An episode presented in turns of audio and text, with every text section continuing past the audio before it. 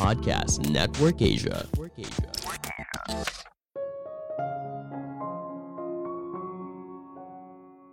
Kisah sukses kadang hanya berisi sebuah cerita yang menarik, tapi tidak memberikan gambaran yang utuh.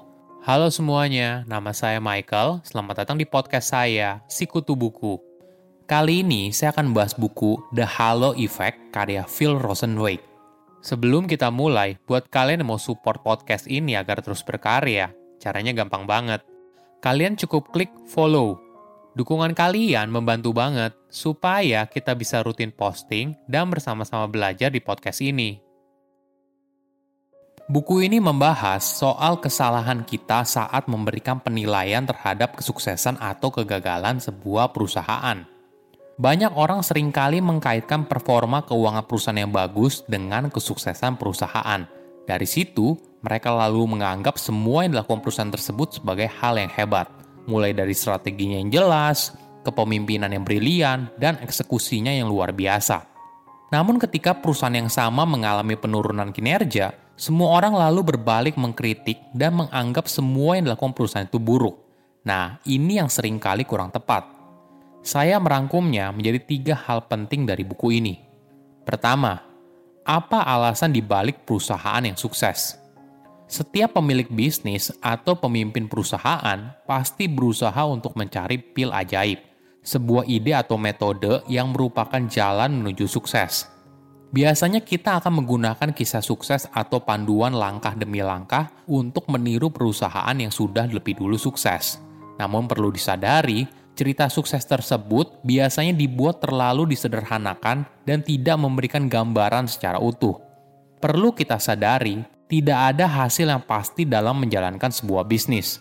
Contohnya begini, jika kamu membeli dua perusahaan dan menggunakan satu strategi manajemen untuk yang satu dan strategi yang berbeda untuk yang lainnya, membandingkan kedua perusahaan tersebut tidak akan banyak memberikan informasi apa penyebab keberhasilan atau kegagalannya. Hal ini disebabkan begitu banyak faktor yang pengaruhinya, kamu harus menilai situasi yang kamu alami saat ini dan bertindak berdasarkan informasi tersebut, alih-alih hanya mengikuti saran orang lain secara membabi buta. Penulis berargumen, buku bisnis yang populer biasanya menjadi bestseller bukan berdasarkan data yang dapat diandalkan atau riset yang panjang. Namun buku tersebut menjadi bestseller karena kehebatan penulisnya yang mampu merangkai sebuah cerita yang menarik. Misalnya, banyak orang sangat suka kisah dari si miskin menjadi kaya raya. Bukan hanya itu, terkadang buku bisnis juga menekankan pada sebuah perubahan kecil di satu bidang, namun dianggap mampu mendorong kesuksesan sebuah perusahaan. Ada sebuah contoh yang menarik. Pada bulan Maret tahun 2000, perusahaan teknologi Cisco sempat menjadi perusahaan paling bernilai di dunia. Perusahaan tersebut dihujani banyak pujian oleh berbagai media atas keunggulan perusahaannya disiplin, dan juga koordinasinya. Tepat satu tahun kemudian, harga sahamnya turun dari 80 dolar menjadi hanya 14 dolar. Cisco lalu digambarkan sedang berada dalam kekacauan, kurang koordinasi, dan tidak mendengarkan pelanggan. Bagaimana bisa sebuah organisasi yang sama berubah begitu cepat? Menurut penulis, jawabannya adalah tidak. Yang berubah adalah bagaimana cara perusahaan itu digambarkan dan itu hanya didasarkan pada harga sahamnya. Karena menilai sebuah perusahaan itu tidak mudah, banyak orang menggunakan metrik laporan keuangan sebagai standar apakah perusahaan tersebut berkembang atau tidak. Jika sebuah perusahaan menghasilkan keuntungan yang baik, banyak orang menganggap semua hal ini berkat CEO yang hebat, dinamis, dan budaya perusahaan yang kuat. Jika perusahaan yang sama berkinerja buruk, CEO yang sama akan digambarkan sebagai orang yang arogan dan tidak mau mendengarkan. Budaya perusahaan juga digambarkan sebagai hal yang buruk.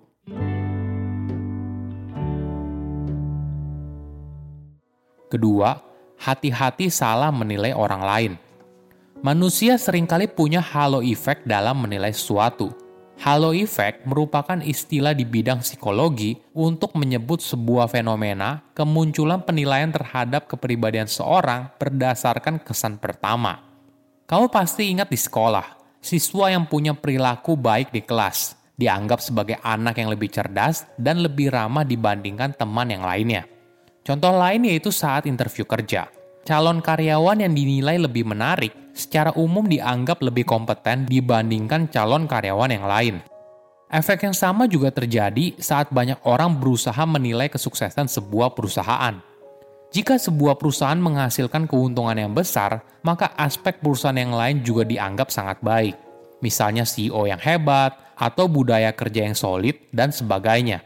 Namun kenyataannya, terkadang faktor tersebut tidak jauh berbeda dengan perusahaan yang sedang mengalami tantangan keuangan.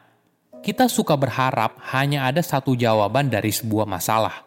Namun untuk menjelaskan kesuksesan atau kegagalan sebuah perusahaan, tidak ada satu jawaban yang 100% benar, karena semua hal bergantung satu sama lain.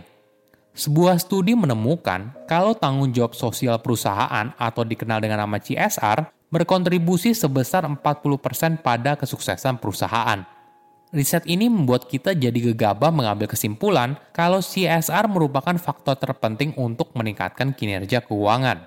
Namun harus kita sadari, CSR juga berkaitan dengan berbagai aspek lain yang penting, misalnya manajemen perusahaan yang baik, orientasi pasar, dan sebagainya. Sangat berbahaya apabila kita langsung buru-buru mengambil sebuah kesimpulan.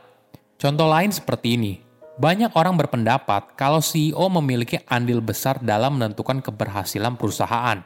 Ada lagi yang berpendapat kalau budaya kerja yang kolaboratif justru yang berperan tinggi. Pertanyaannya seperti ini, apakah kita bisa memisahkan kedua faktor tersebut dan lihat mana faktor yang paling berperan? Tentu saja ini sulit kan?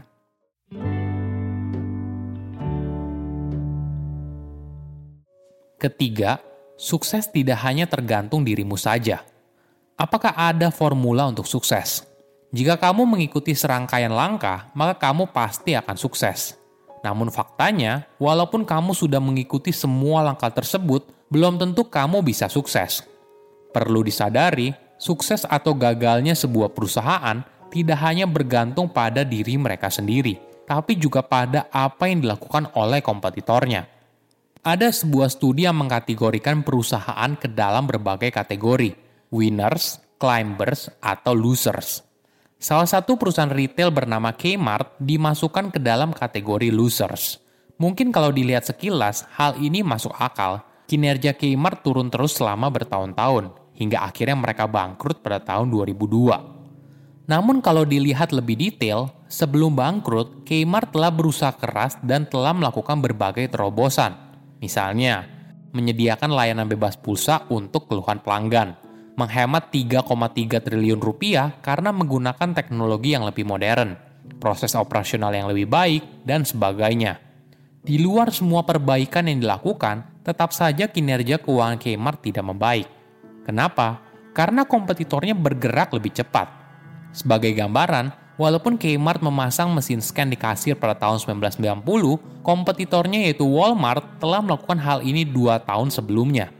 Di banyak aspek, kompetitornya bergerak lebih lincah atau lebih baik daripada Kmart. Ini sebuah pelajaran yang menarik. Kinerja perusahaan merupakan sesuatu yang sifatnya relatif. Perusahaan kamu tidak hanya sukses mengikuti formula tertentu, tapi juga ditentukan dari apa yang dilakukan kompetitormu. Tidak ada formula rahasia untuk sukses. Semua hal berhubungan satu sama lain. Saya undur diri, jangan lupa follow podcast Sikutu Buku. Bye-bye. Pandangan dan opini yang disampaikan oleh kreator podcast, host, dan tamu tidak mencerminkan kebijakan resmi dan bagian dari podcast Network Asia. Setiap konten yang disampaikan mereka di dalam podcast adalah opini mereka sendiri dan tidak bermaksud untuk merugikan agama, grup etnik, perkumpulan, organisasi, perusahaan, perorangan, atau siapa pun dan apa pun.